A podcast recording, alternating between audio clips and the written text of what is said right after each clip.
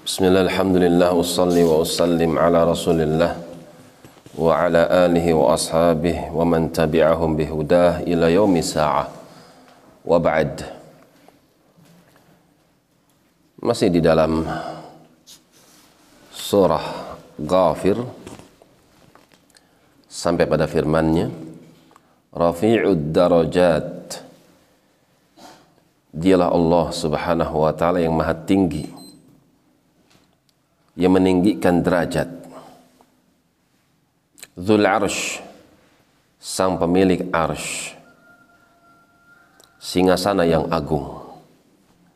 Makhluk Allah yang paling besar secara mutlak adalah arsh di mana Allah Subhanahu wa taala berada di atas arsh di atas langit yang ketujuh. Yulqi ruh. Setelah Allah Subhanahu sebutkan akan keagungan dirinya bahwasanya dia maha tinggi. Kemudian dia sebutkan nikmat yang Allah limpahkan kepada hambanya yulqi ruh. Dialah Allah subhanahu yang telah menyampaikan kepada kalian berupa ruh. Ruh di sini arwah artinya adalah wahyu. Dinamakan wahyu adalah ruh sama seperti badan. Badan tanpa ruh maka bukan hidup tidak dikatakan sebagai sesuatu yang hidup. Demikian pula hati manusia. Hati yang tidak ada ruhnya, maka hati tersebut mati. Hati yang mati, maka tidak ada manfaatnya kehidupan bagi orang tersebut. Yang menghidupkan hati adalah wahyu Allah. Yulqi ruh. Dialah Allah yang menurunkan wahyu min amrihi daripada perintahnya ala man yasha'u min ibadihi yang Allah berikan kepada hamba-hamba yang dia pilih, yang dia kehendaki. Dia berikan wahyu tersebut kepada Musa, kepada Isa, kepada Muhammad salawatul alaihim ajma'in liyunzira yaumat talaq. Di mana wahyu tersebut diberikan kepada para rasul dengan misi yang sama. Mengajak mereka beribadah kepada Allah dan mereka pun diperintahkan untuk memperingatkan manusia. Yaumat talaq. Untuk mempersiapkan diri. Berjumpa dengan hari at-talaq. Hari perjumpaan.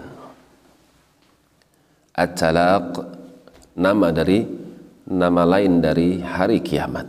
Dinamakan talaq karena hari tersebut adalah hari di mana hamba akan berjumpa dengan Tuhannya.